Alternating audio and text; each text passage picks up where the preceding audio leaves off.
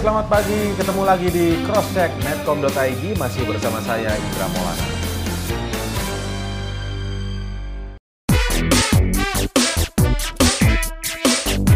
Halo, ketemu lagi di Newsmaker. Ngobrol sama penyanyi bisa.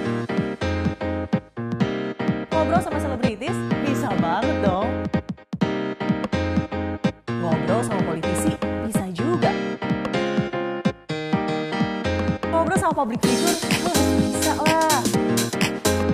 Ngobrol, ngobrol asik sama saya Widya Saputra secara live streaming.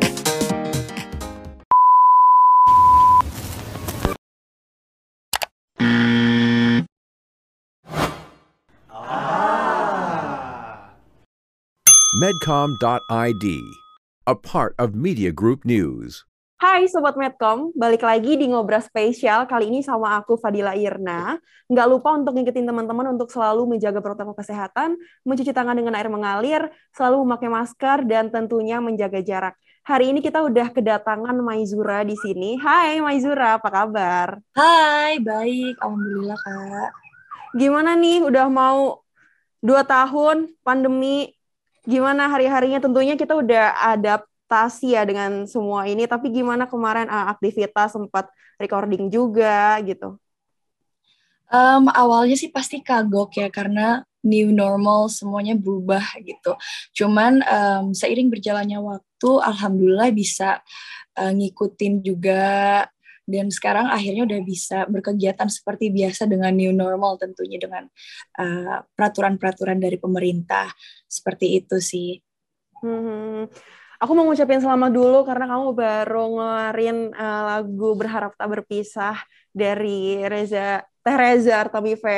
Gimana nih respon dari Teh Reza sendiri dan apa yang ngebuat ini uh, lagu ini tuh beda dari yang versi Teh Reza gitu?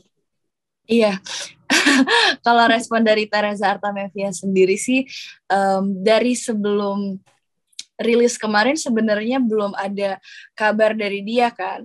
Terus akhirnya pas rilis day ternyata pas press conference itu ada Teresa Artamevianya gitu which is oh, very very surprising for me. Dan emang aku idola banget kan sama dia aku hmm. suka banget sama dia. Kayak musik-musiknya dari dulu benar-benar menginfluence perjalanan karir bermusik aku sendiri gitu. Dan ketika dia ada di press conference uh, she was very happy di katanya dia senang banget dengar lagunya, dia suka, makanya dia uh, memutuskan untuk uh, surprisein aku gitu. Wow. Itu sih. Terus, oke um, oke. Okay, okay. Ya. Nggak apa-apa lanjutin aja, oke. Okay. Terus um, lagu Berharap Tak Berpisah ini kan adalah karya dari Denny Chasmala ya, yang materi dasar lagunya tuh udah bagus banget, mulai dari uh, lirik sampai melodi sendiri gitu. Publik juga udah terbiasa mendengar lagu ini dinyanyikan dengan versi R&B disco atau dance gitu. Jadi di sini aku bekerja sama dengan Eka Gustiwana untuk membuat aransemen yang barunya. Uh, dan untuk membuat lagu ini berbeda dari sebelumnya, tapi masih bisa tetap dinikmati, Eka nggak banyak uh, merubah tempo dasarnya sih sebenarnya. Dari segi ritmik, kecepatan tempo bernyanyi semuanya masih sama. Tapi perubahan dilakukan di uh, pada beatnya, jadi lebih ke halftime gitu. Terus hmm. genrenya juga berubah jadi electronic R&B soul gitu. Secara ilusi lagu ini terasa lebih lambat tapi ketika dinyanyikan justru terasa lebih cepat. Terus um, dalam hal nuansanya sendiri kita juga buat lagunya lebih ke chill out music uh, untuk didengerin di masa-masa PPKM sendiri gitu. Hmm, untuk mengenang momen-momen nostalgia. bener bener bener. Tapi emang sebelumnya uh, kamu emang dengerin lagu 90s uh, ke 2000 atau gimana sih? Atau emang suka um, atau gimana? Aku emang suka sama Reza Artamevia okay. dan beberapa juga aku senang banget sama lagu-lagu dulu. Uh, hmm. Cuman emang kebetulan Reza Artamevia emang musik-musik aku semua suka sih kayak hmm. suka aja. emang tapi, idola aja. Uh, gitu. Tapi dari sekian banyak lagu Teh Reza, kenapa kamu akhirnya memilih uh, berharap tak berpisah gitu? Apakah karena berharap tak berpisah uh, euforianya sampai sekarang tuh nggak habis-habis atau kita tahu bahwa lagu itu tuh di di style di mana-mana. Kamu pernah sempat hmm. bilang kan kamu suka bawain lagu itu kalau kamu lagi jamming atau uh, gimana tuh? Iya, karena lagu ini emang bisa dibilang lagu yang gak ada matinya ya kak. Hmm. Setiap tahun pasti selalu akan ada momen di mana lagu ini bakal hits gitu. Dan aku pun pribadi suka banget sama lagu ini. Uh, sampai setiap perform tuh pasti nggak pernah skip sa sama lagu ini. Pasti aku nyanyiin gitu. Di mana Hmm. karena uh, mood booster banget sih. Kayak kalau nyanyi ini tuh vibes-nya bikin happy, vibes-nya pengen having fun with friends gitu. Dan ya aku adalah salah satu orang yang suka banget sama lagu ini. Aku sering banget denger, aku sering banget nyanyiin, so why not gitu. Hmm, karena ini dibantu juga oleh Eka Gustiwana, gimana akhirnya eh, apakah emang tadinya udah sama eh, Kak Eka atau atau gimana nih? Balik eh, Eh, itu. Sama Kak Eka sebenarnya ini adalah project pertama bareng sama dia sih. Oke. Dan em, pertama kali ketemu, aku nggak perlu waktu lama untuk bisa klop sama Kak Eka. Hmm. Karena dari awal ketemu sama dia, dia langsung ngerti banget sama apa yang aku mau. Dia langsung tahu, oh Maizura ini cocoknya seperti ini gitu. Dan setelah brainstorming di hari itu juga, eh, cukup waktu sehari untuk bisa em, ngasilin beberapa sampel. Jadi waktu itu eh, kita keluarin empat sampel aransemen dengan genre yang berbeda-beda. Itu dilakukan sama Kak Eka dalam waktu yang bersamaan gitu. He's a genius. Dia cepat banget kerjanya, Hmm, tapi very very efektif. Hmm. Terus keempat sampel aransemennya itu aku suka banget sampai bingung. sampai akhirnya aku dan tim eh, memutuskan untuk oke kayaknya kita harus combine beberapa dari sampel aransemen ini sampai akhirnya jadilah em, aransemen yang seperti udah bisa didengerin sama semua orang. Tapi eh, mungkin ini pertanyaan semua orang, kayak kamu tuh ada pressure lagi nggak sih bawain lagu ini? Eh, karena yang sebelumnya bawain adalah Teh Reza gitu. Apakah ada ada tekanan untuk membawakan lagu ini kembali atau gimana? Lebih banyak excitednya sih daripada tengah tekanannya ya. Tekanan pasti ada, eh, apalagi nyanyiin lagu yang porsinya tuh udah pas banget, yang udah Hmm. oke banget lah semuanya udah hampir sempurna lah semuanya. Tapi aku lebih excited karena aku bisa dapat momen di mana aku bisa nyanyiin ulang lagu idola aku gitu. Lebih ke situ sih dan da- eh, dapat momen di mana aku bisa bikin setotal itu. So I was having so much fun dalam setiap eh, prosesnya dan ya aku fokus dalam memberikan hasil yang terbaik jadi lebih banyak perasaan positifnya sih kemarin Hmm. Tapi apakah eh, emang Maizura emang menikmati lagu di era-era tahun tersebut atau gimana? eh sebenarnya iya. Aku Oke. eh, beberapa beberapa penyanyi-penyanyi dulu juga aku suka. Sebenarnya eh, lebih ke lagu-lagunya sih. Aku Oke. random aja kalau ada lagu yang enak aku suka dan kebetulan banyak kan lagu-lagu yang emang udah lagu-lagu dulu gitu dan salah satunya ya Reza Artamevia ini. Kebetulan juga lagu Berharap Tak Berpisah ini kan em, lagu yang kayaknya nggak ada matinya kan. Kayak dari Benar, dulu benar. walaupun ini lagu yang eh, udah rilis sebelum tahun 2000 ya tetap enak-enak aja didengar di tahun 2021 gitu sih. Nah, ini eh, melenceng sedikit nih. Eh, Maizura kan terlibat dalam film A World Without ya, yang Mm-mm. akan rilis pada tanggal 14 Oktober mendatang. Nah, Yes. boleh boleh spoiler dikit aja. Apa sih tentang apa itu? Iya, jadi A World Without itu sebenarnya bercerita tentang uh, tiga remaja uh, distopia kayak 10 tahun ke depan, tiga remaja ini uh, mencari kebahagiaan, mencari uh, masa depan yang bersih, masa depan yang cerah dengan gabung di suatu komunitas tertutup yang pemimpinnya itu punya aura yang emang sangat-sangat berkarisma gitu. Dan di sanalah um, di sanalah uh, perjalanannya, di sanalah konfliknya muncul gitu sih. Tapi eh, bedanya main yang sekarang, main film yang sekarang sama, sama yang awal-awal gimana? Maksudnya entah itu kesulitannya, perbedaan pemain. Yang ini main sama Asmara Abigail ya? Yes, betul. Hmm. Sama Asmara Abigail, sama Amanda Rowles, ada Chico Jericho, ada Ayushita, ada Dira Sugandi, ada Rico Kyle, dan masih banyak lagi. Hmm. Apa, apa Eh, apa ya? Kayaknya harus harus rahasia sih, karena kalau aku spill sekarang nanti bisa ketahuan. Oh, iya. gitu loh. Tapi tentunya kita bisa nonton di Netflix pada tanggal 14 Oktober mendatang ya, Maizura ya. Yes, betul Hmm, banget hmm, kan. Aku suka lihat di Instagram kamu, kamu suka banget olahraga. Nah, itu tuh emang dari dulu atau gimana sih atau eh, memutuskan untuk ah aku pengen eh, ngebentuk ini deh gitu. Sebenarnya sih awalnya awal motivasinya adalah dulu aku pernah overweight, aku pernah gendut banget dulu. Oke. Dan dari situ oke aku kayaknya mau fitness, aku mau olahraga ah biar aku bisa kurus. Nah, di tahun 2017 akhirnya kurus tuh. Cuman kayaknya uh, aku nggak belum puas kali ya apa gimana aku nggak tahu. Cuman I felt weak gitu. Walaupun a- akhirnya aku udah skinny tapi ternyata itu bukan yang aku cari. Sampai akhirnya aku udah aku mulai lihat-lihat kayak gym influencer di YouTube, di Instagram dan dari situ aku akhirnya tahu aku pengen oh kayaknya aku pengen jadi strong, aku pengen jadi fit gitu. Dan akhirnya mulailah di tahun 2020 awal aku konsisten untuk weightlifting. Jadi olahraga aku tuh weightlifting sampai sekarang berarti hampir mau dua tahun ya. Hampir mau dua tahun ya. Mhm, Hmm. Gitu. Nah, kamu kan pede nih eh, ngepost eh, bare face di Instagram kamu. Apa gitu yang ngebuat kamu pede akhirnya eh, ngepost itu gitu? Gimana cara untuk manage self love terhadap diri sendiri gitu? Waduh, because there's nothing wrong with that. Nggak ada yang salah dengan Setuju. kita posting their face. I mean, apa yang salah dengan uh, wajah natural kita gitu.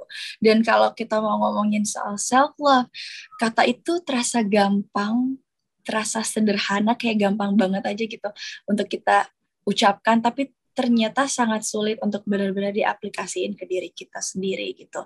Butuh waktu untuk bisa menerima diri sendiri seutuhnya sampai akhirnya bisa mencintai diri kita. Uh, gimana caranya memanage? Ya pertama-tama self acceptance dulu sih. Ketika udah bisa terima diri dengan uh, segala kekurangan dan kelebihan kita, baru kita bisa mencintai uh, diri kita gitu. Prosesnya panjang sih kak, dan nggak bisa langsung berjalan mulus, nggak bisa langsung kayak oh akhirnya aku bisa mencintai diri aku sendiri. Ya namanya juga manusia, ada kala di mana diri kita lagi positif hari ini, tapi besoknya tiba-tiba jadi negatif, mulai kritis lagi sama diri sendiri. But it's okay, manusia emang perasaan dirinya berubah-ubah, and that's normal. Tapi kalau dari aku pribadi perlu ditanamkan ke diri kita, bagaimanapun bentuk tubuh kita, kondisi kulit kita, bentuk wajah kita, itu sudah yang terbaik yang diberikan Tuhan. Mungkin akan ada yang bilang, ah emang gampang gitu ngomong kayak gitu. Soalnya lo berprivilege atau ah, lo kayak gini. Enggak sih sebenarnya. Tahu nggak sih yang bikin kita susah nerima diri kita?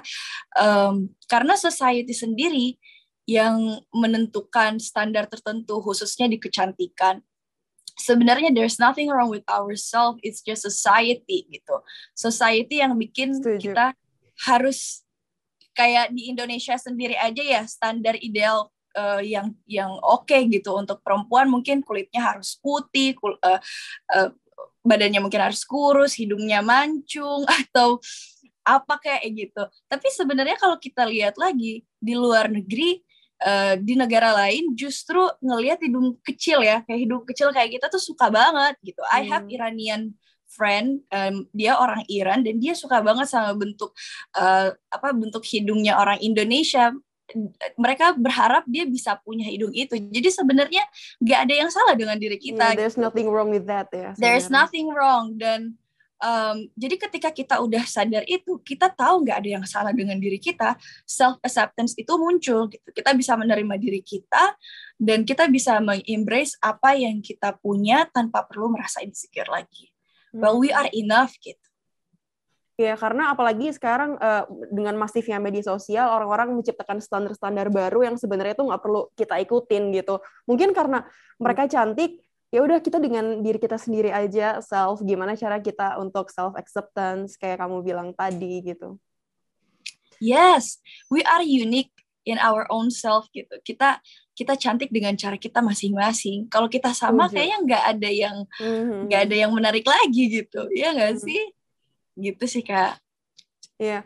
Tapi kamu pernah nggak sih ada di titik itu gitu, di titik di mana kamu uh, insecure sama diri kamu sendiri? Karena kan kita manusia biasa ya, karena banyak orang ngalamin hal itu gitu.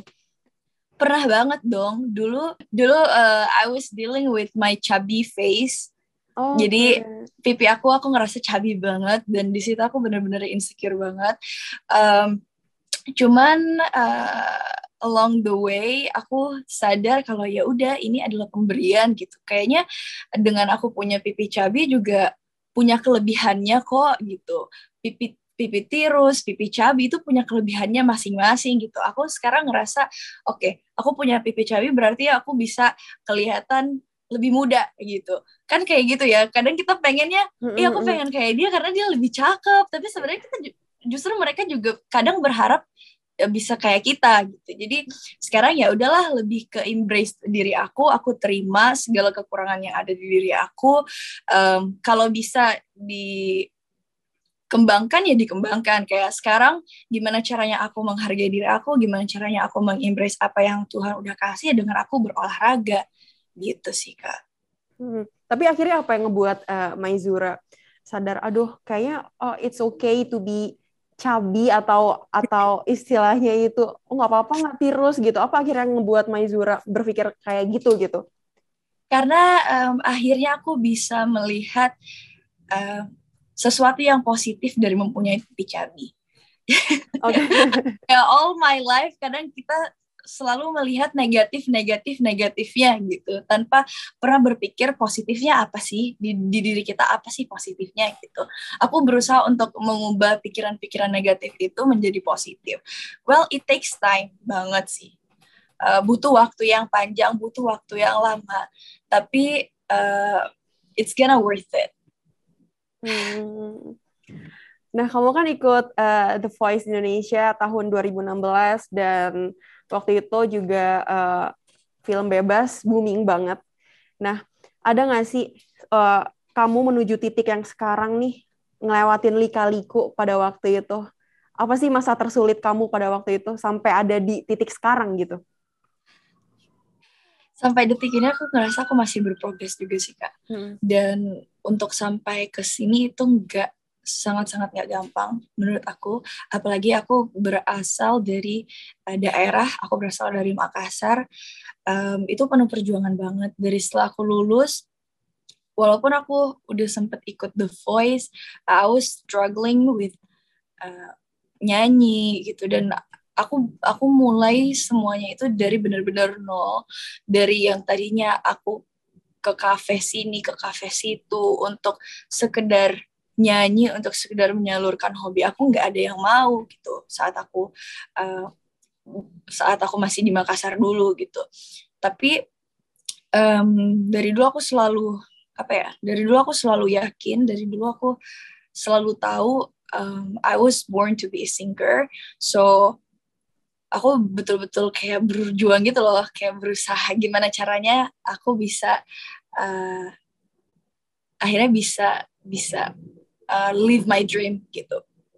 Terus uh, akhirnya mulailah ikut The Voice itu. Setelah ikut The Voice, walaupun emang gak masuk sampai jauh perjalanannya di sana tahun 2016, tapi setelah itu lumayan membuat aku lebih terkenal di Makassar masih di daerah waktu itu akhirnya masih akhirnya bisa nyanyi sebagai penyanyi solo udah bisa nyanyi udah bisa nyanyi di wedding acara-acara sampai uh, akhirnya mulailah bikin-bikin kayak uh, live perform, uh, live cover di YouTube. Dan mungkin dari situlah yang membukakan pintu lagi untuk uh, akhirnya bisa ke Jakarta. Hmm. dan akhirnya di tahun 2018 masuklah aku ke musika. Dan dari situ juga perjalanan juga masih panjang. Kayak benar-benar gimana caranya aku uh, menemukan lagu yang pas itu butuh trial and error juga sih sampai hmm. sampai hmm. ke detik ini gitu. Cuman alhamdulillahnya uh, aku melewati semua dengan yaudah aku berpikir positif aja, aku jalani semuanya dengan sepenuh hati karena yang namanya uh, perjalanan itu nggak nggak bakalan mulus, pasti akan ada lika-likunya gitu. Hmm. Sampai sekarang aku masih berprogres, uh, terus apa namanya, terus mengimprove skill, terus memperbaiki diri, terus hmm. terus belajar hal-hal yang baru gitu sih kak. Tapi uh, bakat nyanyi kamu ini emang kamu les nyanyi dan acting atau gift aja gitu dari Tuhan? Kalau nyanyi sebenarnya aku nggak pernah les sama sekali nggak oh, pernah gitu. lihat nyanyi. Jadi emang wow. pure dari dulu aku suka, suka? banget sama nyanyi. Iya, Oh dari dulu aku suka denger lagu, suka nyanyi. Dari yang so tahu sampai akhirnya oke kayaknya udah bisa udah bisa nih nyanyi. Semuanya benar-benar sendiri sih kak. Hmm. Kalau acting emang emang emang kursus atau emang ngambil kelas acting atau gimana? Kalau acting itu juga secara natural aja sih sebenarnya. Wow. Kalau aku jadi penyanyi em, dapat tawaran untuk casting casting oke. Mm-mm. Walaupun sebenarnya sebelumnya aku belum pernah kepikiran untuk masuk ke dalam dunia acting sendiri, cuman dapat tawaran untuk coba ya udah akhirnya aku mau tes nih apakah aku bisa eh tapi ternyata terpilih juga jadi ya alhamdulillah mungkin itu adalah gift dari Tuhan ya gitu sih kak Hmm. Kamu kan memutuskan uh, untuk pindah dari Makassar ke Jakarta dan uh, itu adalah keputusan yang besar gitu. It's a big decision. Uh, gimana waktu itu respon orang tua untuk uh, kamu akhirnya memilih untuk meniti karir di dunia entertainment? orang tua aku dari dulu selalu eh, apa ya membebaskan dalam artian ap- aku mau jadi apa aku dibiarin sama mereka gitu Oke. they they really trust me mereka sangat sangat eh, apa sangat percaya dan mereka tahu gitu apa yang aku jalani ini adalah buat mereka juga gitu Hmm. dan mereka tahu oh Maizura emang dedikasinya terhadap yang namanya seni, musik, acting itu besar banget dari kecil dan itu udah aku tunjuk tunjukin dari kecil. Jadi pas aku memutuskan untuk pindah ke Jakarta ya mereka sangat-sangat welcome banget, mereka sangat berbesar hati dan justru mereka very very supportive dan ya kayak gitu sih kak. Mereka mereka orangnya sangat suportif, mereka percaya dan ya itu sih mungkin yang bikin aku jadi pribadi yang lebih mandiri gitu Benar, sekarang benar, karena benar. selalu selalu dipercaya sama mereka. Mm, mm. Karena uh, sekarang juga nggak terlepas dari dukungan orang tua Maizura juga ya. Pastinya, pastinya. Nah, kalau Maizura bisa milih nih, kamu lebih into musik atau acting nih? Waduh. Sebenarnya dua-duanya aku suka banget. Aku enjoy banget kedua-duanya. Cuman em, musik, nyanyi itu adalah passion aku dari kecil, udah cita-cita aku dari kecil. Jadi em, aku nggak, aku pasti akan pilih nyanyi gitu. Jadi ke mana pun aku pergi, ya, ke mana pun aku berlayar, ya aku acting atau aku mau ngapain aja selain nyanyi, it's okay. Tapi em, nyanyi tetap aku pegang karena itu adalah akar dari semua perjalanan karir aku gitu sih. Hmm. Nah, katanya kamu juga suka traveling. Kalau ada kesempatan untuk traveling lagi, eh, kira-kira destinasi mana yang pingin Maizura kunjungin setelah pandemi bener-bener over gitu, bener-bener clear gitu? Mhm. Em, aku sih suka banget sama keindahan alamnya Indonesia ya. Jadi yang paling utama kalau seumpamanya udah bisa traveling secara uh, normal lagi, aku pengen banget ke tempat-tempat uh, ke tempat-tempat di Indonesia gitu, kayak mungkin ke NTT. Dulu I was planning to go to NTT sih. Aku pengen banget ke NTT karena kayak katanya di sana uh, lautnya bagus-bagus gitu. Terus mungkin ke Ambon, mungkin habis itu ke Lombok. Aku pengen explore dulu nih satu-satu uh, Indonesia kayak gimana karena Indonesia tuh kaya banget kan sama keindahan alamnya. Jadi Setuju. Dulu deh baru habis itu ke luar negeri. Kamu juga main jet ski ya? Jet ski, iya. Seru banget. Sebenarnya itu pengalaman pertama sih. Dan Oke. itu juga di Makassar. Oke, Waktu oke. aku sempat liburan, pulang beberapa bulan yang lalu, teman aku kebetulan uh, punya jet ski di situ. Terus ya udah ngajakin aku akhirnya aku ternyata seru banget Gimana Dan- gimana? Aku aku belum pernah dan aku pengen nyoba gitu. Apakah kayak bawa kendaraan biasa ya? Karena itu di atas air kan. Gimana? Iya. sejujurnya kan aku nggak bisa bawa motor kan terus Oke oke. agak takut sih sebenarnya karena kan di atas air lumayan gimana ya nggak Nggak datar stabil ya. ya lu Iya. kurang stabil.